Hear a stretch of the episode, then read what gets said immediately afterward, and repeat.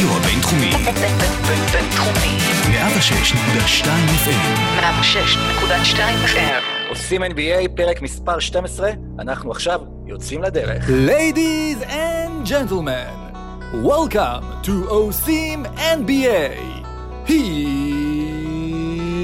are your starting five.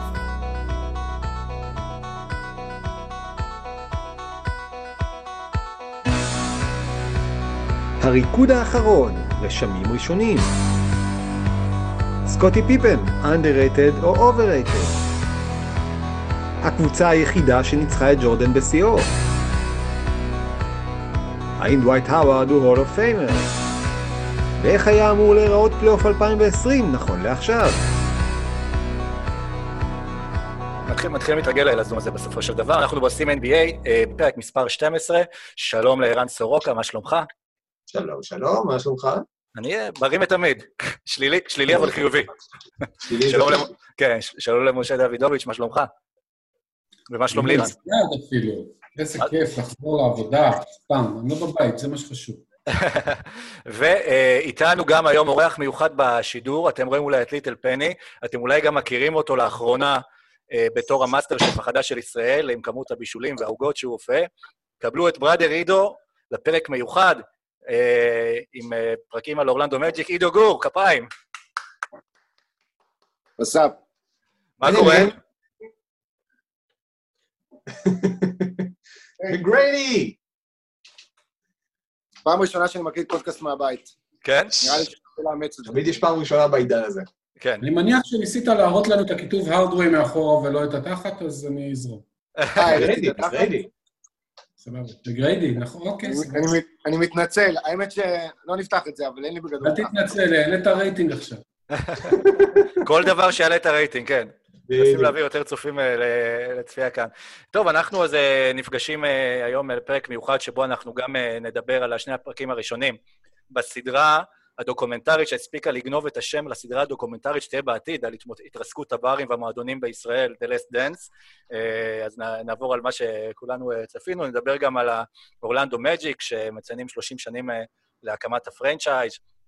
איך הוא התחיל ולאן זה התפתח אחר כך לכיוונים הלא טובים, בגלל זה באמת יש לנו פה את יושב ראש חוג האוהדים הרשמי גם של המג'יק, טידו גור, וה- והיחיד, והיחיד, כן. בגלל זה אתה יושב-ראש. כן, בגלל זה אתה יכול. בבחירות דמוקרטיות. ו... ונסיים, תשמעו, בתכלס היינו צריכים להיות עכשיו כבר בעיצומו של הסיבוב הראשון לפלייאוף, אז בהינתן העובדה שאין פלייאוף, אנחנו ננסה ככה להיכנס, לזרום לאשליות כלשהן, מה היה, what if, אם היו עכשיו משחקים, איפה היינו עומדים, מי היה מפתיע, מי היה משחק, כל זה עכשיו, אבל בואו נתחיל עכשיו עם, ה... עם הרבע הראשון. תזכרו שלנו פה באזרים, אז נעשה את זה מניואלי, ברגע, שאני, ברגע שנחליט.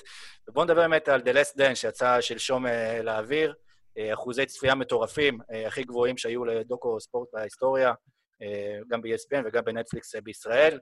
מה הטייקים הראשונים שלכם על, שני הפרקים הראשונים? עידו, רוץ, בתור האורח, למרות שעשית פודקאסט שלם על זה בערוץ הספורט, וגם נשים את הלינק אליו כמובן. אמ, אני אגיד את זה בקצרה הפעם. רוב אנשי הכדורסל, העכברים האמיתיים, קצת מאוכזבים. שמעתי את זה מכמה חברים טובים שלנו בערוץ אתמול. אמ, אני יכול לעשות name dropping, אה, ג'ובה, דניאל זילברשטיין, אה, שציפו למשהו קצת יותר גדול, ואני מזדהה עם דבר אחד. זאת אומרת, אני גם חיכיתי לראות יותר תמונות שצולמו מאחורי הקלעים מאותה עונה. אני מקווה שיהיו יותר בהמשך, אבל אה, זה הרגיש לי קצת חסר בשני הפרקים הראשונים. מעבר לזה, למי שלא מכיר את הסיפור על בוריו, זה מרתק, לדעתי. לפחות איזה חבר שניים שראו את זה ולא באמת סגורים על... לא, יודע, לא ידעו בכלל מי זה ג'רי קראוס. אז אה, בעיני הצופה הממוצע, לדעתי, זה פגז. אני מבחינתי, קודם כל חושב שהם באמת כיוונו לקהל קצת יותר נרחב מהעכברים. אה, וככזה, אז אה, ה name dropping שעשית זה טוב ויפה, אבל הם לא כיוונו דווקא לג'ובה ואליי ולדניאל. כן, כן, ברור. ולכן זה, זה באמת טוב. אני מבחינתי כמה טייקים אה, שאני אקח איתי מהפרקים האלה. קודם כל, מייקל והריחוק החברתי שלו זה קצת כמו מסכה, זה היה יותר כדי להגן על עצמו מאחרים מאשר כדי לא להתערבב עם אחרים. אחר כך באו התהילה והזוהר והכל כבר תפס צורה אחרת, אבל מה שהוא מספר שם על החינגה שהייתה בחדר במלון, אה, וששאר שחקני הבולס, זה פתאום מאיר מבחינתי באור אחרת, כל הדבר הזה שלו. דבר שני, אה, קצת עשיתי השלמות, מה שנקרא. הלכתי לשמוע את סם סמית אצל האוורד בק, פודקאסט מעולה, שהוא נותן שם הרבה אה, טייקים קצת אחרים על דברים שראינו ושעוד נראה בהמשך, והוא מספר שג'רי ריינסדורף, הבעלים של הבולס, דווקא רצה שכולם יחזרו. אה, וזה לא, כאילו התפיסה שההנהלה פירקה את הקבוצה וכולם רצו להמשיך, זה דווקא הפוך במציאות. פיל ג'קסון בכלל רצה לפרוש אחרי 96, הוא מבחינתו האמין ששבע שנים זה מספיק ואחר כך אף אחד לא מקשיב לך יותר. משלחת של שחקנים שכנעה אותו להישאר. אה, וגם, עוד דבר אחד אה, שראיתי, ותוך כדי זה אני פתאום מתחיל לחשוב על הקבוצה שהייתה להם, סטיב קר דיבר על זה קצת גם אצל זאק לואו, אם הייתי הקומישיונר של היסטוריית ה-NBA והייתי יכול להחזיר שתי קבוצות לסדרה אחת ביניהן, הייתי עושה סדרת גמר בין שיקגו של 95-6 לגולדן סטייט של 2016-2017. שתי קבוצות, דניס רודמן היה עולה סנטר מול דריימון גרין, קווין דורנט על סקוטי פיפן, סטף וקליי על ג'ורדן ורון הרפר, טוני קוקוץ' על איגודלה. אני חושב שזאת הייתה הסדרה הכי טובה שהיינו יכולים לראות בכל הזמנים. אני ממש מסכים איתכם על הקטע שאתם אומרים שזו סדרה שפתוחה יותר לקהל הרחב. אה, כידוע, הרבה מהישראלים צורכים נטפליקס, בטח בתקופה הזאת בלי הפסקה, וכל מה שמסומן number 1, number 2 עם ישראל, הם ישר אה, צופים בזה, ושמעתי מהרבה אנשים, אה, גם אנשים שלא צופים, צופים או צופות ב-NBA, שפתאום ראו את הפרסומת בגדול ואמרו, אני אצפה בזה. אז שאלו אותי אם אני ממליץ, אז גם לא ידעתי בדיוק אם להמליץ או לא, כי אני לא יודע כמה רקע צריך, בהינתן שוב, בזה שאנחנו באים כבר עם איזשהו רקע מסוים, בשביל לצפות בסדרה, אבל זה בהחלט נחמד שזה מגיע לכולם. אני גם חושב ששני הפרקים הראשונים, בערך כמו כל סדרה טובה, גם Breaking Bad התחיל ככה, צריך לעבור אותם. עדיין לא הגענו לכל הקטעי הארכיון הבאמת מעניינים, זה יותר לתת את הרקע לקבוצה של השיקגו לקראת מה שאנחנו הולכים לראות בעצם, את השנה הפסומה הזו. אז זה היה נראה לי בתור בסיס התחלתי מאוד טוב, לקראת מה שבוא בהמשך, וגם מאוד מעניין, כולם מדברים עכשיו ורצים בממים גם ברשת על הסדרה, על השכר המוגזם בצורה נמוכה של סקוטי פיפן.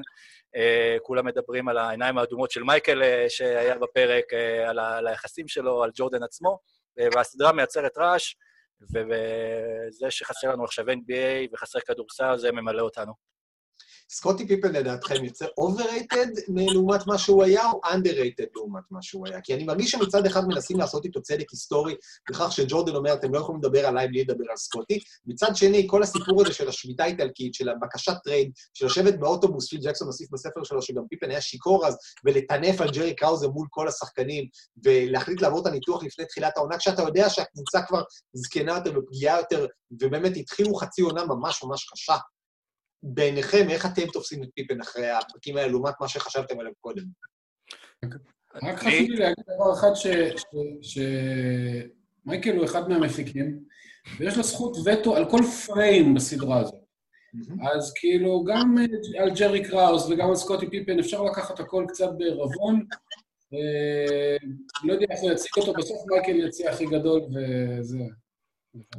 עם ההיכרות גם של לאן NBA ילך אחר כך, וראינו גם איך קוואי התנהג כשהוא החליט שהוא עוזב, שהוא רוצה לעזוב קבוצה מסוימת, ונדבר גם בהמשך באמת על שקיל ועל העזיבה שלו של, של אורלנדו כשנגיע לרבע הבא, אז אני די מקבל את זה בסבבה, זה אולי משהו שהיה די ראשוני יחסית אז, אבל זה משהו שמובן מאליו. ואם היה לי אופציה לשים פה שיר, הייתי שם את סקוטי doesn't know, אבל אין לי איך לרגע את זה. זה סיפור אחר, זו תקופה אחרת. אני לא חושב שזה שינה אפילו טיפה את ההסתכלות ההיסטורית שלי על סקוטי פיפן.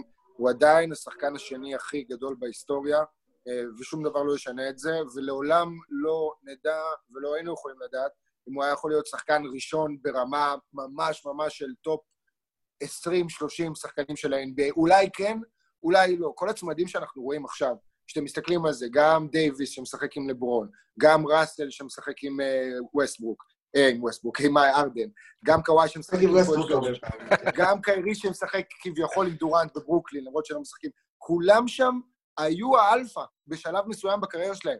לפיפן לא הייתה את הפריבילגיה הזאת להיות האלפא, ובתפקיד של השחקן השני הוא באמת... הדבר המדהים בשני פרקים האלה, זה לשמוע את ג'ורדן באמת משבח את פיפן, כי הוא לא מדבר על אנשים אחרים. אני לא חושב שיש פה איזשהו תיקון היסטורי של ג'ורדן, אני חושב שיש פה כנות, והרגשתי את זה מאוד בשני הפרקים הראשונים, אולי יותר מדי כנות, קצת, היה חסר לי politically correct, ג'רי קראוס מת, הרגתם אותו בזמן חי, והוא מת אחרי זה, ואתם הורגים אותו גם עכשיו. ואין לו איך להגיב, ואתם רק יוצאים עליו עכשיו. ג'רי ריינסדורף היחיד שעוד אומר, הוא היה בחור מקסים וזה. לא משנה שגם הוא עשה טעויות, וזה הדבר הבאמת מעניין, אני חושב, בפרקים הראשונים, יותר מסקוטי פיפן ויותר מהיכולות של מייקל ג'ורדן ההיסטוריות. אנחנו מכירים את זה שהוא לקח אליפות בתיכון והוא לקח אליפות במכללות, ואת הזריקה נגד אה, ג'ורג'טון ופטריק יום, זה לא חדש לנו. אה, מה שיותר מעניין, אני חושב שגם הצופה, בוא, אה, דיברת על אנשים, על אימהות, לא יודע. אני חושב שבשבילן מה שיחבר אותם זה לא הסלי ניצחון, זה הדברים האלה, זה הרגעים האלה בין בני אדם, וכשג'רי קראוס לא מזמין את פיל ג'קסון לחתונה של אה, הבת שלו, כי הוא מזמין את כולם. והוא מזמין את כולם וכל הלכלוכים הקטנים האלה, אז בסדר, אז נכון, הוא טעה, כנראה, ולא מעט, וגם כולם, גם סטיב קר אמר את זה בפודקאסט של זאק לואו, שאיכשהו היה באופי מאוד מאוד מקומם, ועדיין, זאק לואו שאל אותו, תגיד, לא הרגשתם לא בנוח עם העקיצות של ג'ורדן כלפיו? אז סטיב קר אמר לו, ומישהו חשב לדבר עם ג'ורדן על זה, סטיב קר אמר, "אה, זה הרגיש קצת לא נעים, אבל אתה לא בא ומדבר על זה עם ג'ורדן. אגב, אני עדיין חושב. שלא להזמין לחתונה, ואגב, זה עדיין- ברכה. עם פיפן זה הגיע בשלב מאוחר יותר. אני עדיין חושב שלא להזמין לחתונה זה ברכה, וזה דווקא מראה חברות אה, טובה וחיסכון... זה אה, מה שג'רי ליינסדורף אמר בסינק הכי גדול כן. בפרקים אני אשתמש בזה עכשיו אה, לכל מי שיזמין אותי לחתונה. אבל אה, אני מסכים גם עם מה שעידו אמר, ראינו תמיד את כל הצמדים הגדולים שלא זכו באליפות מתפרקים בגלל אה, בעיות אגו, וסקוטי פיפן, או בגלל שלא נתנו לו, או בגלל שהוא פשוט לא ראה צורך לקחת, אה, לא נלחם להיות האלפא של הקבוצה, מן הסתם כשמייקל נמצא שם. אה, מקרה דיוויד בלאט גם, ופיני גרשון, ג'ורדן עזב, סקוטי קיבל להיות האלפא, ג'ורדן חזר, כמו שפיני חזר, וסקוטי הלך אה, צעד אחורה. אני חייב שנייה, סורוקה, אתה שמעת את הפודקאסט של זאק לואו עם סטיב קר, נכון? אז זה הזכיר לי את המשחק הזה בפלייאוף 94, ששכחתי ממנו לגמרי. שזה עכשיו לשמוע את זה, וזה לא היה אגב בשני הפרקים הראשונים, שהיה את הסל ניצחון, אני חושב, בגיים 4 של אה, קוקוץ', אה, בשנה שמייקל אה, פרש, בשנה הראשונה. וסקוטי התעצבן על זה שהוא לא קיבל את הזריקה, ומשחק אחר הוא לא הסכים לשחק. כן, בפלייאוף. אני חושב שהרבה, אני חושב. שההתנהגויות האלה, זה, זה לגמרי מטורף, וזה מה שאמרת, שכן הייתה לו הזדמנות פעם אחת להיות ה alpha male, אז ככה הוא תפס את זה. ואני חושב שבגלל זה המורשת שלו לעולם לא תהיה של שחקן top 10 או של שחקן, אני כן חושב שהוא שחקן top 20, top 15. top 10 הוא לא, בגלל הדברים האלה. כשהוא היה צריך להנהיג, הוא לא הנהיג. כשהוא היה צריך להיות מספר 2, הוא היה מושלם. וזה מבדיל בינו לבין אחרים. טוב. זה היה הבאזר לסיום הרבע הראשון, ועכשיו אנחנו עוברים אה, לרבע השני, ובאמת נדבר על, אה, על איזשהו אה, צמד ואיזושהי קבוצה אגדית שאולי לא יצאה לפועל בגלל שלא אורלנדו מג'יק, שלפני 30 שנים, בשנת 89, אה, הוקם אה, בעצם האורגניזיישן הזה, אה, הקבוצה של פני ושקיל, כפי שהייתה אה, מוכרת, והקבוצה באמת היחידה גם שניצחה את הבולס בימי השיא שלה, אה, עם החזרה של מייקל ועם הכל. האם אתם חושבים שזו אולי הקבוצה הכי טובה שלא זכתה באליפות, או שהיא צריכה להיכנס לדיון הזה בכלל? אתה רוצה להתחיל מיושב ראש חוג האוהדים? כן. אה, אמרת את זה בהצגה שלך עכשיו, היא הקבוצה היחידה מאז הפלייאוף של 1990 שניצחה את מייקל ג'ורדן בפלייאוף. היחידה. עכשיו, נכון, זה קרה בשנה שהוא חזר לשחק שלושה חודשים לפני זה, שלושה, חוד- משהו כזה, באזור חודש פברואר, אה, ונכון, הוא היה עם מספר 45, ואורלנדו הייתה אז באמת בשנים שנים ראשונות, גם של הפרנצ'ייז, גם של שקיל ושל פני. למרות ו- שניק אנדרסון גרם לו להחליף ל-23 באמצע. זה מה שקרה אחרי המשחק הראשון, שאורלנדו כן. ניצחה אותו בהפרש כזה של ש- שתיים, שלוש, משהו כזה, ובמסיבת עיתונאים אחרי, ניק אנדרסון אמר, מספר 23 היה חולף עליך, על פניך וקולע סל בקלות, מספר 45 לא יכול לעשות את זה. אז מייקל, יום אחרי, לבש חזרה את 23, שיקגו ניצחה את המשחק השני בחוץ, אני חושב שזה נגמר 4-2, כן, זה נגמר 4-2. עוד לפני זה, אגב, אורלנדו של השנה הזאת, אנקדוטה, סגרה את הגרדן של בוסטון. היא ניצחה אה, את המשחק הרביעי בסדרה, 3-1, כשעוד היה טוב מחמישה משחקים, וזה היה המשחק האחרון אי פעם, בבוסטון גרדן, המיתולוג, כן? זה שהסלטיקס העבירו בו את. כן. כל שנות ה-80. אה, לגופו של עניין, ברמת אחת הקבוצות הגדולות, בגלל שהיא ניצחה את אה, שיקגו, אני חושב שכן, אבל עברתי על איזושהי רשימה, יש בבליצ'ר ריפורט, 50 הקבוצות הכי גדולות בהיסטוריה שלא זכו באליפות. הקבוצה הראשונה מה-NBA שנכללת שם היא הלייקרס של 69-70, וזה רק במקום ה-14, שתבינו. זו קבוצה של צ'מברליין, אה, ג'רי ווסט ואלג'ין ביילור. הקבוצה הבאה זה הלייקרס של 2004, שהיה שם את קובי, שקיל, קארל מלון וגרי לא, פייטון. פייטון, כן. אה, עכשיו, השאלה פה היא, איך אתם מסתכלים על זה מבחינת פוטנציאל של הקבוצה, או מבחינת יכולת שלה בזמן אמת. כי מבחינת יכולת בזמן אמת, לדעתי אורלנדו קל ב top five.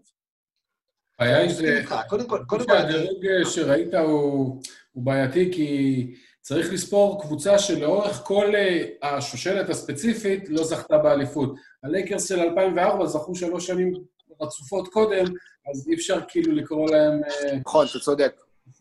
אבל, אה, אבל אורלנדו של 94, 5, 6, אה, שקיל אוניל מתחיל את הפריצה הגדולה, ופני ארדווי עם אה, 21 נקודות, 7 אסיסטים, 3 ריבאונד, 49 אחוז מהשדה לגארד, פוינט גארד 202, יכל להיות אה, ממש מעולה, ואז ב-97 הם מתפרקים לגמרי, ששקיל עובר ופני ארדווי, הברך שלו עוברת בטרייד, אני לא יודע מה קורה שם.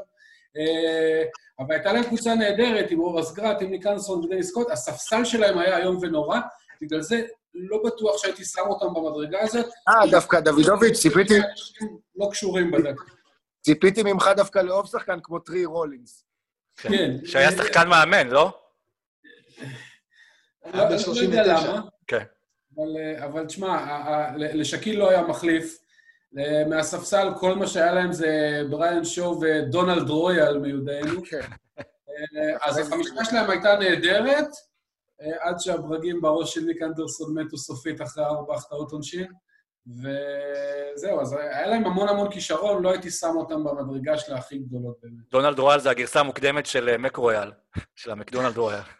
מבחינת כן, אבל החמישייה פן- ואת החמי- את החמישייה שלהם הייתי כן שם בטופ חמש, את הקבוצה נכון. ככולה, אני לא חושב בדיוק בגלל הקטע הזה. אני הסתכלתי קצת על הסטטיסטיקות מהמשחקים אז, כי אני לא זכרתי עד כמה פני הרדווי היה קלע שלשות טוב, ובמשחק הקריטי שם הוא עשה 4 מ-8, בשאר הסדרה הוא עשה 4 מ-14. אבל אורלנדו באותה סדרה כבר קלע ב-36.5% לשלוש, זאת הייתה קבוצה שניק אנדרסון ודני סקוט היו שני צלפים אדירים, יחד עם פני כלו כמעט את כל השלשות של הקבוצה הזו. לא משנה שזרקו אז, אה, אה, שהם זרקו אז למשחק פחות מ-18... על- איזה- משחקים אתה מדבר? אתה מדבר על הסדרה נגד הסדרה שיקגו? או נגד שיקגו, הסדרה של אורלנדו נגד שיקגו, כן. אה, ובאמת הייתה שם קבוצה עם יכולת פליאה מבחוץ, שקצת הקדימה את זמנה מהבחינה הזאת של להקיף קלה, להקיף שחקן כמו שק, בשחקנים שיודעים לקלוע. והדווי, באמת, אני חושב שהיה לו מזמן איזשהו דיון על כל מיני שחקנים ב-what if שלהם. אני תמכתי בגרנטיל, אתה תמכת בפני, אני לגמרי מבין, אבל כן צריך להזכיר מה ששקיל אמר עליו אה, באוטוביוגרפיה של שק, ואני מצטט. הוא אמר אה, שפני ארדווי קיבל את הארכת חוזה שלו קיץ קודם, ואז שק, ושק תמך בו, ואז כשהגיע הזמן של שק, בקיץ 96, פני לא אמר כלום, לא ניסה לעזור לו, לא התייצב לצידו, והוא כתב עליו, הוא רצה להיות השחקן עם השכר הכי גבוה בקבוצה, הוא אמר שזאת ליגה של גארדים, ש- שהקבוצה הזאת צריכה להיות שלו, ושק כותב, אני ידעתי שהוא רך, שהוא לא יצליח בלעדיי, הוא לא היה עשוי מהחומר הנכון. דברים יכולים להשתמש כשיש שני alpha males, זכרי אלפא, ואין ביניהם הבנה של המיקום שלהם. אני הייתי A והוא היה B, אבל הוא חשב אחרת, הוא החליט שהוא יכול לעשות את זה בלעדיי, וגם זה שיחק חלק בזה שהוא עזב. ואז הוא כן, קיבל את אבל קובי על הראש. אבל אי- כל- אי אפשר לשפוט אותם, בטח אי אפשר לשפוט את פני. אתה מדבר על 96, זו שנה שלישית שפני מסיים בליגה, אוקיי? הוא הפך להיות אולסטאר בשנה השנייה שלו, ובשנה השלישית של שקיל, הרי הם נבחרו שנה אחד אחרי השני. כשלאורלנדו, אגב, זה סיפור שגם איזושהי אנקדוטה קטנה, שאני מניח שכולכם זוכרים אותה כמובן, שאורלנדו אה, זכתה בבחירה הראשונה ב-92. זה פרנצ'ייז שהתחיל את דרכו ב... טוב, אתם אומרים, 30 שנה, כן? ב-89-90. אה, אז ב-92 הם בחרו את שקיל בבחירה הראשונה. ב- שקיל כמעט לקח אותם לפלייאוף. הם סיימו מקום מחוץ לפלייאוף בעונת הרוקי שלו, והיו עם הסיכויים הכי נמוכים לקבל את הבחירה הראשונה שוב מחדש, ואיכשהו במקרה קסום, כמו שקרה לפליקאנס בערך, אמממ. קיבלו את הבחירה הראשונה. היה להם פתק אחד מתוך הראשונה של- 66 פתקים. עכשיו, הבחירה הראשונה של אותו דראפט הייתה באופן ברור קריס וובר. אז הם עשו את הטרייד עם גולדן סטייט, בשביל פני במקום השלישי. עכשיו, פני באותו זמן, שקיל נתקל בבעיה הזאת בהמשך הקריירה שלו גם עם קובי, אבל היה שם את פיל ג'קסון מעל, ולא את בריין היל, עם כל הכבוד, אה, שהוא דומה לכל כך הרבה שחקנים בסדרות כאלה, טלוויזיה.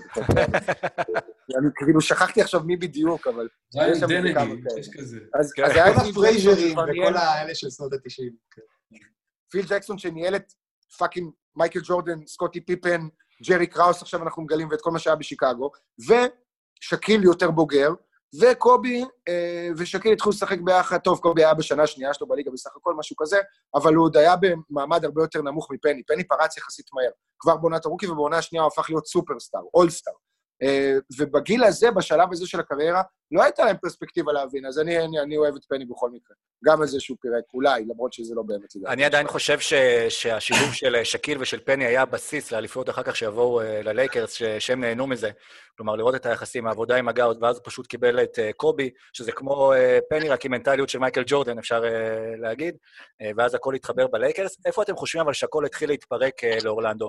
אם זה היה אה, כששקיל עזב, אם זה היה עוד כשניק אנדרסון החטיא את הארבע זריקות עונשין, שבעצם האפס מארבע שלו מהקו בסיום המשחק, אה, חזו את התוצאה של הסדרה, את ה-4-0. איפה כאילו הכל התחיל אה, להתפורר שם?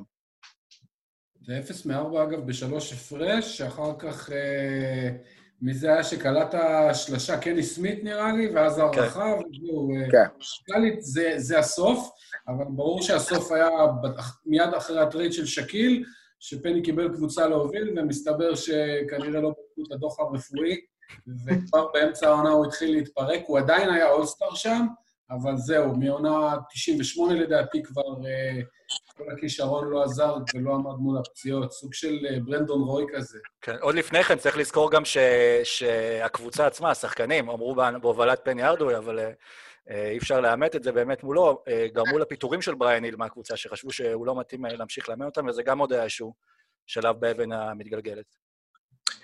תראו, זה התפרק בהחטאות של ניק אנדרסון. שם הכל התפרק. זו הייתה טראומה כל כך קשה לשחקנים צעירים שלא הצליחו לאסוף את עצמם. אה, אפשר להשוות את זה, או לנסות להשוות את זה, להתאוששות של סן אנטוניו.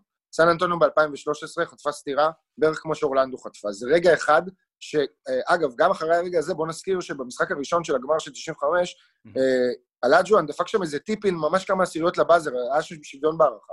אה, ויוסטון ניצחה את המשחק הזה מסל זה, מסל ממש על ה buzzer. אה, אז מהבחינה הזאת, הטראומה שהיא עברה הייתה דומה לטראומה שסן אנטוניו חוותה מהשלשה הזאת של ריי אלן במשחק השישי, ונכון שהספיירס היו קרובים במשחק השביעי, וגם שם זה הלך לדקות האחרונות, וזה שלא היה איזה blowout של איזה 20 הפרש. ועדיין, השיחות והסיפורים על סן אנטוניו של אז ועל ארוחת ערב במיאמי, אחרי ההפסד במשחק מספר 7, שהם יושבים במסעדה ואף אחד לא מדבר מילה, והם רק אומרים שאנחנו שנה הבאה חוזרים ואנחנו עושים את זה. והם כולם מאוחדים, וגם טרייסי מגריידי, אגב, יש לו סיפורים על זה, הוא היה אז שחקן סן אנטוניו, ושנה לאחר מכן לחזור ולקחת את האליפות, עם אולי עד עכשיו, עם כל הכבוד לגולדן סטייט, האליפות כדורסל הכי יפה ומרשימה שראינו, אותה קבוצה אפורה סן אנטוניו של העשור הקודם, ב-2014, הדהימה את כולנו והציתה לנו את הדמיון בכדורסל שלה.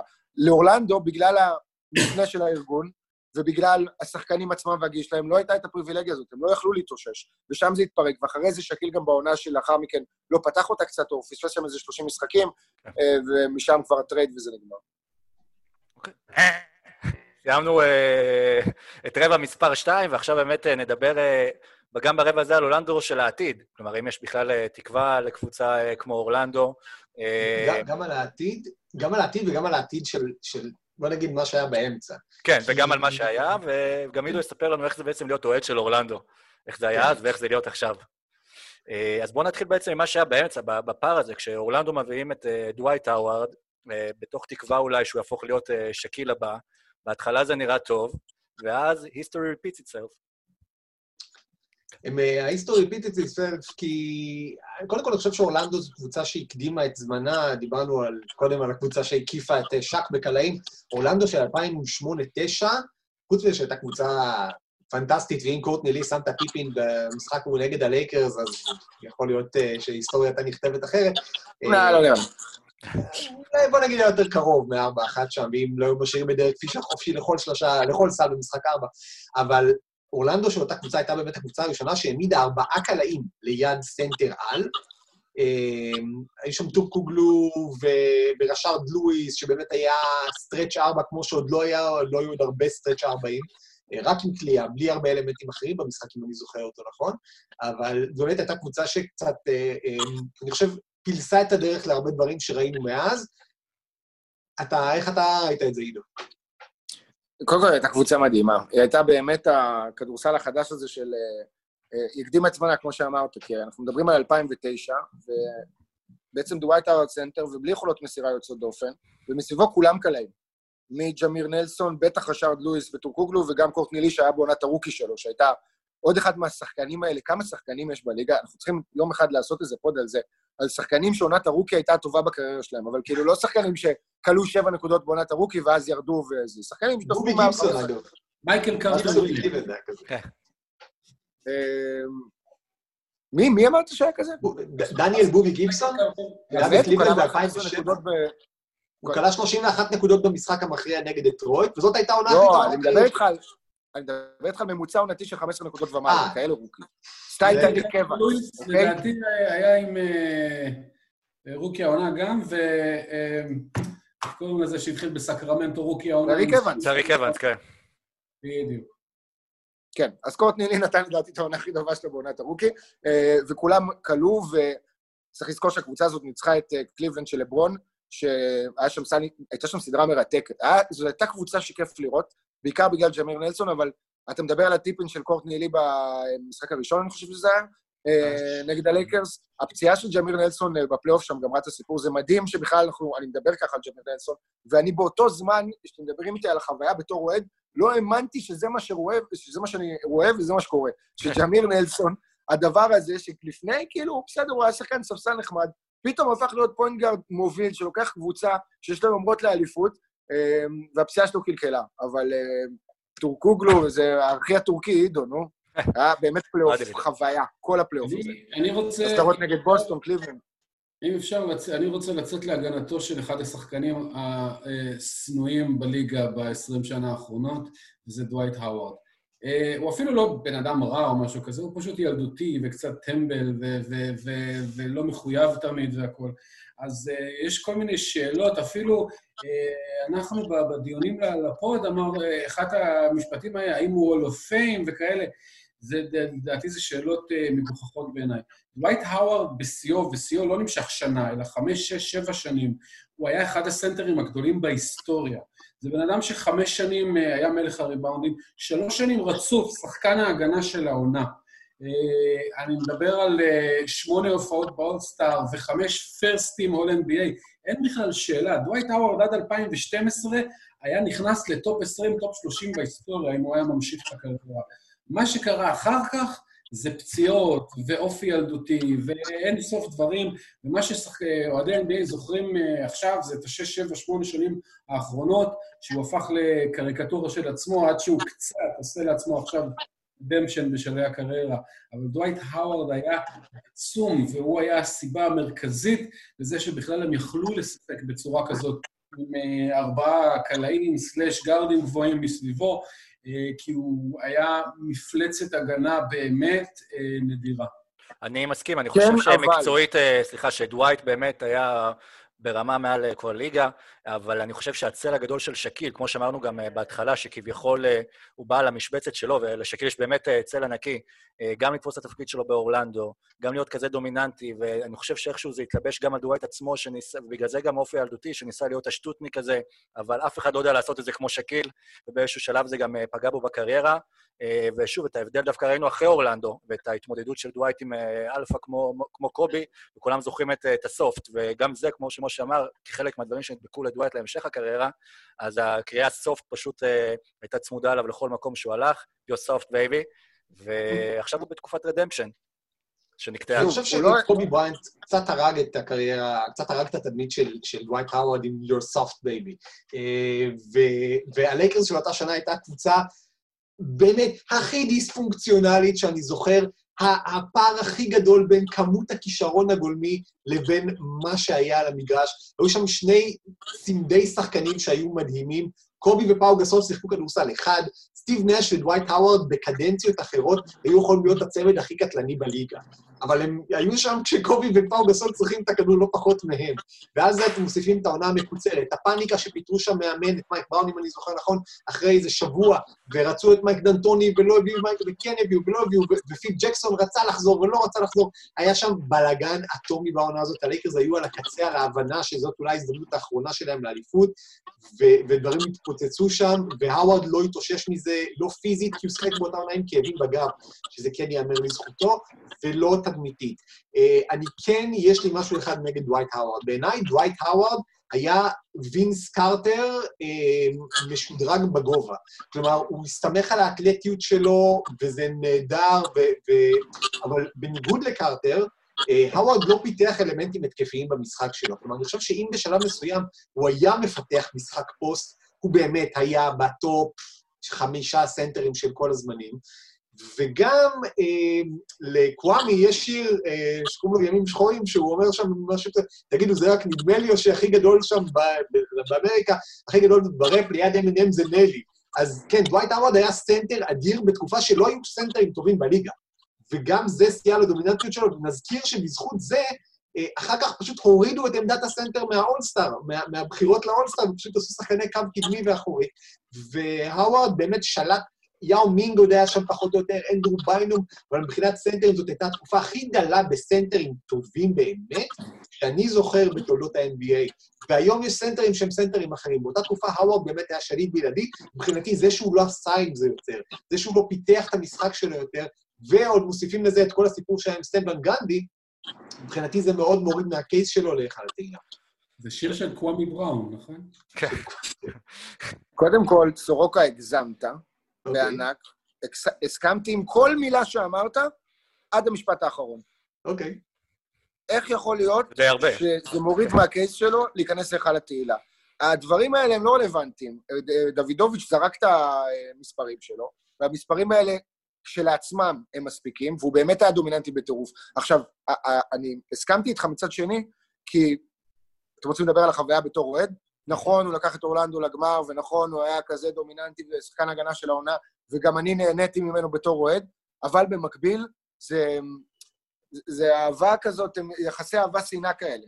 כי אתה לחנוך מתעצבן. על כמה שהוא מוגבל, וכמה שהוא לא מפתח שום דבר, וכמה שהוא כזה ענק ומפחיד, ואתה אומר לעצמך, אם אני הייתי במקומו, אז לא הייתי עובד כל היום על כוח, אלא הייתי כבר עובד על דברים אחרים, כי אתה חתיכת freak of nature, כן? כי אנחנו מדברים על יאניס שהוא פריק, וזה, דווייט האווארד, זה, זה, זה ה ticket שלו, זה מה ששם אותו שם, לא הכישרון של הכדורסל. עכשיו, נכון שהוא לא נולד הכי כישרוני, אבל הוא יכול לפתח את זה בצורה כזאת או אחרת, והייתה לי תחושה שהוא לא עבד על זה מספיק. וכל שנה, לא, זה לא היה הגיוני בעיניי, שמשחק הפוסט שלו, כי בשנים הראשונות כביכול היה ניסיון לפתח אותו, משנה לשנה כזה. איזה כמה פעמים שהוא מקבל יותר את הכדור למטה, ו, וזה היה קטסטרופה. זה היה ברמת ה... הוא, הוא, הוא לא היה פוגע בטבעת, כאילו. כן. אז הדברים האלה היו מאוד מעצבנים, ונכון, הוא שחקן התקפי רע מאוד, אבל תשמע, תסתכל על ממוצע נקודות של דיקמבה בטומבו בקריירה. יש לו 9.8 נקודות למשחק, ממוצע, ומעל לעשרה ריבאונדים, אני חושב. זאת אומרת, הוא שחקן אחד לתהילה, ברור שהוא שחקן אחד לתהילה. ומה הוא עשה? הוא לקח קבוצה לגמר, הוא היה עם פילדלפיה בגמר, הוא היה באמת גם עם ניו ג'רזי בגמר, שנתיים אחרי זה, ב-2003, כ backup הספסל שם של אה, קניון מרטין ו... ומי פתח עוד... אה, מי פתח טוד סנטר שם? מקאלוך לדעתי היה סנטר פותח שלהם, לא? מי? טוד מקאלוך היה לדעתי סנטר פותח שלהם איזה שנה. לא, לא, לא, ניו ג'רזי בגמר נגד סן אנטוניו ב-2003, מי אה, בגמר של, פותח? בגמר של 2012 זה היה טוד מקאלוך. אה, מיד נבדוק את הסיפור. היה, כן, הוא היה backup שם, הוא גם היה פצוע חלק גדול מאותה עונה. אה, בקיצור, דיקמבה לא, דיקמבה לא לקח קבוצה לגמר, היה לו את הרגע האיקוני עם סיאטל, ו... כן. נגד סיאטל עם דנבר. דווייט האוורד לקח קבוצה לגמר. אגב, דיקמבה מוטומבו, אה, אחד משני שחקנים היחידים בכלל בהיסטוריה שיש להם יותר אה, תארי שחקן ההגנה של השנה מדווייט האוורד. זה הוא ובן וואלאס, ועם ארבע, ודווייט האוורד עם שלוש. זה שלושת השחקנים שזכו הכי הרבה פעמים. מה שטיפה מוריד מהטיעון שלך, עידו, כי בן וואלאס זה שאלה מעניינת, האם הוא Hall of Famer. אני אגיד לך מה, בן. וואלאס, בן וואלאס לקח אליפות, זה נכון. ובגלל זה מגיע לו, זאת אומרת, יחד עם הארבעה תארים של שחקן ההגנה של העונה, אבל בן וואלאס זה באמת שחקן הוא לא שחקן התקפה. זאת אומרת, אמרתי שהאוורד שחקן התקפה מוגבל, בן וואלאס לא שחקן התקפה. אין לו קשר לענף הזה. נכון. אוקיי? אם הייתי צריך לבחור בו בחיל האוויר, הייתי שם אותו בנ"מ בחיים, לא במטובע. זה נשמור. אגב, גם הוא התחיל אצלכם, לא בן וואלאס, אני חושב שהוא, אורלנדו הייתה הקבוצה כן, הראשונה. כן, שלו. כן, כן. הוא לא בחירה, הוא לא בחירת דראפט. לא בחירת דראפט, כן. אבל בן. וואלאס הוא האולסטאר הראשון בהיסטוריה אה, שהיה undrafted. והוא, ו... אז זהו, מבחינתי, שוב, אני אבין לגמרי אם יבחרו את האווארד. לדעתי, הפער בין הפוטנציאל שהיה לו לבין מה שיצא ממנו, בעיקר בשנים האלה של 2000, אה, ש...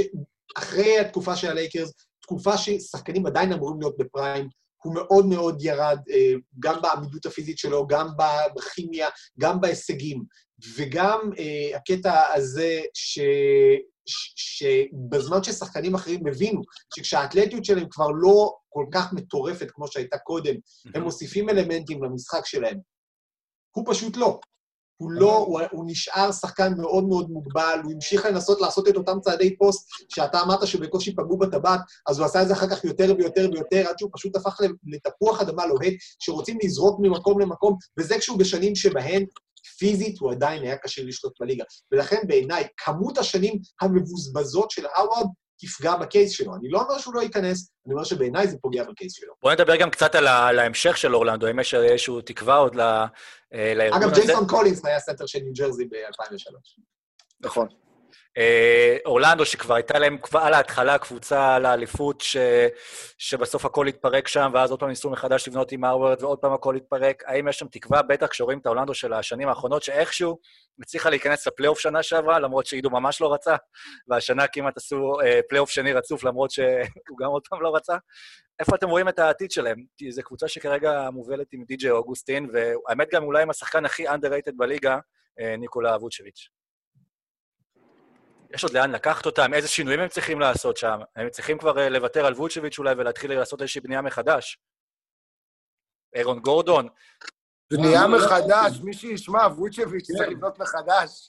לא, היה להם ווצ'ביץ', הם שמו את אירון גורדון מסביב. את הקבוצה לאבן פורניה, למה מה תעשה? למרקל פולץ. את אבן פורניה אני מאוד אוהב, אז אני לא אסכים שידברו עליו ככה. בדיוק, מרקל פולץ עושה עבודה נהדרת בתור קאנצלר גרמניה במשבר המשפטי. כן, הנה, יש שם אבל עוד פעם לאורלנדו בחירה ראשונה בדראפט אה, בקבוצה שלהם, אבל זה- אבל זה לא שקיל. כן, תשמע, אה, לגבי העתיד של אורלנדו, אני חייב להגיד שאני מאוכזב מאוד, מאוד, וציפיתי בשלב הזה כבר אה, להיות עם איזושהי אופטימיות, אפילו קטנה, לגבי העתיד, ולמה אני מתכוון?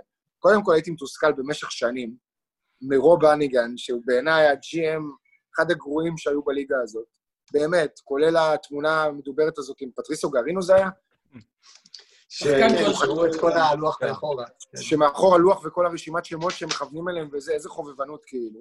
זה סטייל מירי רגב. אתה יודע, כולם יורדים על מירי רגב, על הסינק של אתמול, שהיא לא חושפת אה, זה, לא רוצה לחשוף את השיר של חיים בן ארי, אה. ואז שמונה שניות אחרי חושפת. ואני שואל שאלה אחרת, מה עם הצלם? אה, כאילו, את- לוץ, אתה יודע את זה, אנחנו מצ- מצלמים סטוריז לפעמים, אתה יודע, טייק אחד, שניים, שלוש, עד שזה תופס. כן. מה עם הצלם שלא אומר לה, רגע, מירי, שנייה, חשפת את זה, בואי נעשה את זה שוב. השאלה מי הדליף את זה? מי הדליף את זה? אם זה הצלם הדליף? או שמישהו לא, פספס את זה אומר, שם? אני אומר, הוא גם או, או צלם או צלמת, הם גם כן. כאלה סתומים או שהם הם בכוונה מכשילים אותם? זאת השאלה. אני חושב אה, שמירי בקיצור- פשוט יותר חכמה מכולנו, ובזה נסיים את הצד הפוליטי, והיא יודעת מה היא עושה. אה, שום דבר לוץ, לא נשאר ליד המקרה. טוב, רגע, רגע, אנחנו- שנייה, סליחה. עד ש... אנחנו בינתיים נדבר עם ליטל פני. חזרתי, חזרתי, חזרתי. אה, אה, בקיצור. אגב, כן. ליטל פני הזכיר לי, אם אתם זוכרים, כאילו, אני קצת חוזר שנייה אחורה בדיון, הייתה פרסומת של, של שקיל, שהופיע לו, לריבוק, שהופיע לו ליטל פני פתאום על הכתף, ואז הוא דחף אותו, ושם קצת גם די התחיל הסכסוך בין שק לפני. מה שאומר גם שכל אחד צריך לדעת איך לקבל את זה, וזו בעיה שיש לשקיל, שהיה לו גם בלייקרס, שעשה את השיר על קובי, אה, שכולם זוכרים איפה הוא ביקש ממנו לנשק אותו. אה, היי אה, קובי, אבל קובי ידע לתעל את זה. כן, You couldn't do it, זה היה שיר עוד לפני שקובי לקח את האליפויות בלעדיו. כן. You couldn't do without me. אה, זה אחד הקטעים החזקים. איפה היינו? באיזה נקודה? לאיפה אורלנדו? רוב הניגן. מה אורלנדו גם צריכה לעשות בכלל? ג'ון אמונד הגיע, תשמעו, ג'ון אמונד זה הבן אדם שהלך והסתכל על יאניס כביכול בסיפורים המיתוסים על האולמות בליגה השנייה היוונית, אולמות מיוזעים כאלה, סטייל מתנסים שיש לנו כאן בארץ, וחשבתי שהוא יביא איתו איזושהי בשורה. אז בשנה שעברה הוא בחר את ballin' like my nigga more, אה, שבעיניי זה כבר הפך, אמרתי לך, לוצקי, השנה למור וגנר, למרות שהוא קצת היה פצוע וזה, אבל אחלה שחקן מור וגנר, והאח שלו הקטן כנראה יהיה הרבה יותר טוב ממנו גם. אה, לא יודע מה להגיד לכם, זאת אומרת, לא היו אופציות הרבה יותר טובות, כל החמש בחירות הראשונות, בחירות פנטסטיות, ואחרי זה בדראפט של השנה שעברה, אני מרגיש שאני שוכח מישהו, נכון? אני שוכח שזה מישהו... את הז'ו- הזוניה. אה, כבר לא שם. לא, לא, לא, אני אומר מישהו שנבחר נמוך יותר ממו במבה. ג'ונתן... לא של אורלנדו, שנה שעברה בדראפט. אה, אה, היו כמה מובמבאים שנבחרו בשנה שעברה. כאילו, אצלו, האמת שאני מסתכל על זה, אין פה שמות. יש פה ונדל קרטר, קולין סקסטון, אולי ונדל קרטר הייתי לוקח, אבל יש את ווצ'ביץ', אז אין צורך. זאת אומרת, כרגע בדראפט של 2018, אורלנדו לא נפלה יותר מדי. בדראפט של 2019, היא בחרה שחקן פצוע, והיא בוחרת כבר כמה שנים ברצף שחקנים על עמדה מספר 4. ומרקל פולץ, אני לא, עם כל הכבוד, לא חושב שהוא שחקן ש... יהיה לו כזה turnaround מטורף, הוא יהפוך להיות סופרסטאר שמוביל קבוצה למעלה. אז אה, כן, שיפסידו, אני שונא את זה שהם בקצה של הפלייאוף עכשיו. אני יודע שבשביל הבעלים זה עוד איזה שישה מיליון דולר בשנה, בהנחה שאין קורונה, כן? כי יש משחקים ועוד אה, זה, זכויות ועוד מרצ'נדייז ועוד כרטיסים וכאלה. אז הוא רוצה קצת את הכסף, כי הם מרוויחים כסף. בסופו של דבר, NBA זה עסק רווחי, לכולם. אז גם אם הם לא מנצחים, they don't give a fuck, זאת אומרת, יש כאלה שהם מאוד תחרותיים, אבל נגיד, קבוצה כמו הולנד, הוא יכול להגיד, בסדר, זה עסק, אנחנו עושים פה כסף. גם אם אנחנו לא, אה, זה, מקום ראשון בליגה, כל עוד אנחנו באזור של הפלייאוף, אנחנו כאילו כל שנה עושים כמה מיליונים טובים. אה, ואני מרגיש שזאת ה... זאת הרוח שכאילו נמצאת במועדון, הייתי בטוח שג'ון האמונד ישנה אותה עם ג'ף וולטמן, אבל זה לא קרה. וולטמן, וולצ'מן, וולצמן, לא יודע איך להגיד את השם. רק שתדע לך שאתה שרת וגנר יום אחרי יום השואה. אוקיי. אה, אבל בסדר. אה, ג'ונתן אייזיק, זה מה שיש לכם to show for. ההגנה של ג'ונתן אייזיק והיכולות ההתקפיות של ווצ'ביץ', שניהם אה, לא בדיוק סופרסטארים, זה מה יש, בינוני אבל סבבה, משעמם נורא. אה, אני חושב שווצ'ביץ', אה, כמו שאמרו עליו underrated וצחקנו על בנייה מחדש, אם אתה שם את ווצ'ביץ' כאופציה מספר 2 ליד איזשהו סופרסטאר,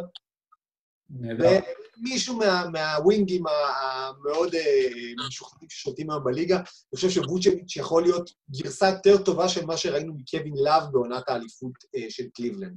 הוא לדעתי שחקן לא פחות מוכשר ממנו, מוסר אפילו יותר טוב ממנו, אה, שחקן הגנה אפילו יותר טוב ממנו. אולי, שוב, לא קולע volume שלשות באותה כמות, אבל אני חושב שברגע אה, שסימי אומר את זה הרבה במגזינים שלנו, שאם היית שם אותו בניו יורק או בלוס אנג'לס, הוא היה כוכב. אם אתה מוציא מקורונה בניו יורק. כן. לא אה, אם אתה מוציא את ווצ'ביץ' לעמדת ה- השחקן המוביל של אורלנדו ונותן לו להיות מספר שתיים, אני, לפני שכל הסיפור של אנטוני דייוויס, כשזה נראה שניו אורלינס לא ייתנו לנו אותו בחיים, פינטזתי על ווצ'ביץ' של לייקרס. אני יכול להגיד בכנות, אני חשבתי שווצ'ביץ' יכול להיות, בהנחה שאין דייוויס ולא היה אז דייוויס, ווצ'ביץ' יכול להיות מספר שתיים נהדר ליד לברון, אה, ושניים יכולים לפתח כימיה נהדרת, אבל שוב, כנראה שלעולם לא נדע, כי הוא שוב חתם על חוזה ארוך טווח, אבל שוב, אורלנדו נראית כמו קבוצה שמכירה בכך את הזכוכית שזה מקום, סיבוב ראשון של הפלייאוף, אבל מפחדת לשנות, כי יש הרבה קבוצות, בטח במעמד שלה, קבוצות שוק קטן יחסית, למרות שיש להם בדיסנילנד, שיודעות שלפעמים סיבוב ראשון של פלייאוף זו תקרה שקל להיאחז בה, יותר קל לך למכור את זה לאוהדים, מאשר ליפול ולצלול ולהיות שנים. אולי הם צריכים לבקש שלוש משאלות מה- מהג'יני, שהוא גם דמות של שק, למרות כן. שכשאני התחפשתי לג'יני זה הסתיים בקורונה, אז אני לא יודע אם זה הממשלה... זה, לפני שנסיים את הרבע, אנקדוטה קטנה, אתם יודעים מה היה אמור להיות השם של אורלנדו לפני המג'יק? בין בין איזה שמות הם התלבטו? בין המג'יק למה? אני ידעתי את זה, אבל אה, שכחתי את זה. בין- אה, הנה, פרדי יודע את התשובה. אה, אורלנדו ג'וס. ואז כמובן היה אפשר, נכון, ואז כמובן היה אפשר לעשות, לחבר אותם עם gin and juice של, סנופ. אוקיי, פרדי, אתה רוצה לעשות באזר או שאני אעשה? לא בטוח שידעתי. טוב, אנחנו מגיעים עכשיו לרבע מספר 4, ופה בעצם בואו נחלום קצת, what if. הכלב לא רגוע. אה, בואו נחלום קצת what if. באמת היינו צריכים להיות עכשיו כבר בתחילת הסיבוב הראשון של הפלייאוף, אה, להתחיל לראות משחקים, להתחיל לראות דרמה, להתחיל לראות, אה, סדרות. באה עלינו הקורונה, אבל בואו נדמיין מה היה קורה אם לא הייתה קורית הקורונה. מי רוצה להתחיל בזמן שאני משתיק את הכלב? ערן. בוא, אה, שירוץ. טוב, אה, מה, הייתי רוצה לראות אה, בעיקר אה, שתי סדרות. אחד, אה, בוא נניח שהסדרות אה, זה לפי המיקום הנוכחי, אז הייתי מאוד מתעניין לראות מה עושה יוסטון אה, בפלייאוף, אה, בהתחלה נגד דנבר ואחר כך נגד הקליפרס. מהצד השני הייתי מת לראות את סימונס ואמביד מסתדרים אחרי שקברו אותם כבר. אני עדיין חושב שהם הקבוצה הכי מוכשרת במזרח. אה, ובעיות של whatever, כימיה, תוכנית משחק, מאמן, לא יודע מה, אבל יש שם פוטנציאל שאם הכל עושה קליק כמו שצריך, אז אה, לא טורונטו ולא בוסטון ואפילו לא מילווקי יעצרו אותם. אה, ועכשיו כאילו אנחנו נפסיד מלא דרמה בקיץ, כי אם הם לא יעופו סיבוב ראשון, אז יהיה פלייאוף. הפסדנו מלא, מלא דרמות שיבואו ממשחקים, הפסדנו אה, כל מיני אה, סיפורים, כולם עכשיו בהמתנה, וגם יהיה קיץ אולי קצת משעמם בגלל זה. אני בחלום שלי עכשיו רואה את אה, אורלנדו משחקת נגד מילווקי, ובשבילי דו, אולי ל-1-0 מפתיע שם, שמתחיל להלחיץ את כל המערכת, ולחבר את כולם למסכים. כמו שזה הלחיץ את טורונטו שנה שעברה, אה? כן, בדיוק. הלחיץ אותה מאוד. אה, ורואה באמת את הסדרה אולי בין ברוקלין אה, לטורונטו עם, עם, אה, עם קיירי שחוזר, ואולי בהמשך אם זה יקרה נראה גם את קיי-די חוזר, אבל כמובן הכי באס לי, לפחות מבחינת המזרח, זה הסדרה בין פילדלפיה לבוסטון ש- שעמדה על הפרק, ששם אולי היה את הסיכוי הכי אה, גדול של קבוצה מה? מהמק- מהמקום השישי. לך- מה? למה אמרת שקיירי חוזר? לא, אני אומר אה, אולי בהמשך, כשהליגה תחזור בעוד כמה חודשים, אז אה, יחזרו. לא, אבל אנחנו מדברים על מה היה קורה עכשיו, לא? כן, כן, אני אחר כך המשכתי למה שבהמשך. או שהתבלבלתי? 420, סבבה. או שבאמת אנחנו מדברים על מקומות 3 ו-6, פילדלפיה ובוסטון, שהייתה אמורה להיות סדרה מרתקת, ששום דבר לא בטוח שם, ובהחלט היה סיכוי שווה, אפילו לא יותר גדול לקבוצה שבמקום השישי, אם הכל מתחבר, ללכת עד הסוף בסדרה, ואם שום דבר לא מתחבר, אולי כמו אה, אורלנדו, לגמור את הסיפור שם ו- ולפרק את העסק. ועוד מעט נדבר טוב, גם על. המערב. קודם כל, היום, אתמול בלילה, היינו אמורים להיות לפני המשחק חזרה של בן סימונס מהפציעה שהשביתה אותו כבר, אה, מה זה, חודשיים וחצי, שלושה, אה, לקראת אמצע פברואר או סוף פברואר. אה, כשבוסטון ביתרון 2-0 בסדרה, וכל הלחץ כאילו על פילי ובן סימונס מגיע כמושיע, אז היה לנו כבר סיפור ראשון לפלייאוף כאילו גדול כזה, כביכול, הוא משחק שיש בו מן הפוטנציאל להיות אייקוני בשביל קריירה של מישהו, לא שזה מה שהיה קורה, כן? אבל תחשבו, בן סימונס חוזר מהפציעה אחרי שלושה חודשים, מנצח עם פילדלפיה, אה, את המשחק השלישי, רביעי, ואז ממשיכים כל הדרך. אה, אני חושב שהסדרה ש... שהכי חיכיתי לראות בסיבוב הראשון זה, שוב, לפי המיקומים האלה, זה מקום רביעי נגד מקום, אה, סליחה, מקום, אה, ש... כן, מקום רביעי נגד מקום חמישי. יוטה נגד אוקלאומה. אה, אתם יודעים מה? לא, לא, התבלבל לי. לא, אין פה אף לא- סדרה שהייתי רוצה... לא את לוקה? לא, לא, סליחה, שנייה. את לוקה אין פה מעיף אף את הקליפרס? רוצה לראות עכשיו. המערב עכשיו מסודר על הפנים. זה דאלאס. כן, כן, כן, המערב מסודר על הפנים מבחינת הסדרות עכשיו. זאת אומרת, המיקום שלו, לא, לא, לא עברה, לא עברה. תחזור, תשנה משהו. כי אוקלאומה מה? סיטי, אתה לא לא, רואה את לוקה מעיף את הקליפרס, עושה הפתעה? לא, אתה רוצה, אתה לא רוצה, קודם כל אתה רוצה שיוסטון אה, לא תשחק נגד, אה, נגד דנבר. דנבר זה קבוצה אפורה. יוסטון, אתה רוצה אותה או נגד הקליפרס או נגד יוטה. לפני הכל, הקרב הזה של בלי סנטר נגד רודי גובר, או נגד הקליפרס, הארדן וווסטברוק נגד אה, קוואי ופול ג'ורג'. אה, מעבר לזה, דאלאס נגד הקליפרס זה חד צדדי מדי, ודנבר זו קבוצה משעממת, עד כמה שאני אוהב את ניקולה יוקיץ'. אה, ואוקלאומה סיטי זה סיפור מגניב. המצ'אפים לא, כל הקבוצות מדליקות, אבל המצ'אפים לא מסודרים נכון. אני הייתי נורא רוצה לראות, אם- אם אנחנו מסתכלים עכשיו, אז כן, הייתי שם את לוקה שיחטוף את קוואי על הפלייאוף הראשון שלו, זה יהיה קצת אה, ג'ורדן פוגש את דטרויט בפלייאופים. לא, ב- הייתי שם דנבר דאלאס, סורי, דנבר דאלאס, לוקה נגד יוקיץ'. לוקה יוקיץ' זה יכול להיות מגניב. אני מבחינתי, כל פעם שדנבר ויוטה נמצאות בפלייאוף, הן חייבות לשחק אחת נגד השנייה מתישהו. כן. אז אתה יודע, 140, הסמיכות הגיאוגרפית 150. והכל. אה, אני הייתי רוצה לראות דנבר יוטה ואוקלאומה סיטי יוסטון, כמובן לראות את קריס פול נגד ראסל ווסטברוק, הייתה יכולה להיות סדרה פצצה, לא פחות מכל דבר אחר. סדרות שאני הייתי מאוד מחכה להן, דיברתם כמובן על בוסטון פילי, מיאמי אינדיאנה הייתה יכולה להיות סדרה בת זונה, שהולכת שבעה משחקים פלוס הערכה, אה, זאת הייתה כאילו סדרת ה... אני לא יודע אם יוטה אוקלאומה סיטי או מיאמי אינדיאנה הייתה מה שנקרא סדרת ה-NBA TV. הרי כל שנה יש את סדרת ה-NBA TV, שזה כאילו הסדרה שמשדרים את רוב המשחקים שלה ב-NBA TV, כי מבחינת רייטינג היא פחות אטרקטיבית, למרות שרוב הסדרות במזרח, חוץ מבוסטון פילי, יותר מתאימות לזה, אבל מיאמי אינדיאנה הייתה יכולה להיות סדרה מעולה, וגם הסדרה של הלייקרס נגד מי שלא תגיע מהמקום השמיני. כי אם זה ממפיס, זה הפלייאוף הראשון של ג'ה מורנט, שהוא שחקן אדיר, ואם זה ניו אורלינס, זה הפלייאוף הראשון כמובן של זיון וזיון נגד לברון, שראינו איזה זיקוקים עפו שם ביניהם, ואם זה פורטלנד, זה אומר שנוקיץ' חזר והפך אותה לקבוצה טובה שוב, ואז הם יכולים לעשות ללייקרס צרות. אז הסדרה של הלייקרס נגד מקום שמיני, מי שזה לא יהיה, בכל מקרה הייתה יכולה להיות סדרה מעניינת. אגב, מכולם, הקבוצה שאני חושב שהייתה עושה לה הכי פחות צרות זה דווקא ממפיס. אה, כי ראינו אותם משחקים אחת נגד השנייה, וחוץ ממשחק אחד שממפיס ניצחה, בשאר הלייקרס ניצחו, וניצחו וראו שיש שם עדיין אה, פערים של ניסיון. אז אה, לסדרה הזאת גם הייתי מחכה, ושוב, כמו שעידו אומר, הפלייאוף כרגע מסודר רע במערב. אני כן הייתי משאיר את לוקה נגד קוואי, כדי שיקבל את זה בפעם הראשונה, ויגיע ללוס אנג'לס, ויעשה שם את השוק שלו, המשחק הראשון שלו בסטייפל סנטר, ואז הייתי משדך את דנבר נגד יוטה ו-OKC נגד יוסטון, והיה סדרות אחת-אחת בונבון. תשמע, אמ, אני רוצה שני דברים להגיד. קודם כל, על מיאמי ואינדיאנה, שמעתי שזו סדרה שיכולה ללכת לשבעה משחקים. מבחינת כדורסל, הסד- סדרת פלייאוף שאני הכי חיכיתי לראות בשנה הזאת, מערב ומזרח, זה מילווקי נגד מיאמי. יאניס נגד באטלר ובאם אדבאיו. אה, שבהנחה שהקבוצות האלה יישארו, לדעתי זאת אה, יריבות שתישאר למזרח, כי דברים התפזרו, בוסטון תתפזר, איכשהו טורונטו תתפזר, יש שם כל מיני חוזים שאמורים להסתיים, והשאלה כמה מסאי אם הוא... טוב, אני שוב מתפזר ממקום למקום, אבל בקיצור, זה לגבי מיאמי. ותיקון קטן, אה, אני מרגיש שלא נתנו כבוד בשיחה שלנו על אורלנדו, לסדרה אחת שהייתה בגמר המזרח בין אורלנדו לאינדיאנו, שנגמרה בשבעה משחקים, כן. רק עם ניצחונות ביתיים, עם סלים האיקונים של פני, של ריק סמיץ, עם משחקים צמודים, עם. פיצוצים ל- של אורס גרנט עם התאומים דייוויס, שקיל וריק סמיץ במצ'אפ כזה אחר ושונה ומיוחד, ופני מול הוותק והניסיון של מרק ג'קסון, וזו הייתה סדרה תענוג, ממש. זהו, אפשר לחזור להווה. להווה שלא קורה באמת, לפחות זה משהו אבל שבאמת קרה. הסדרה הזו.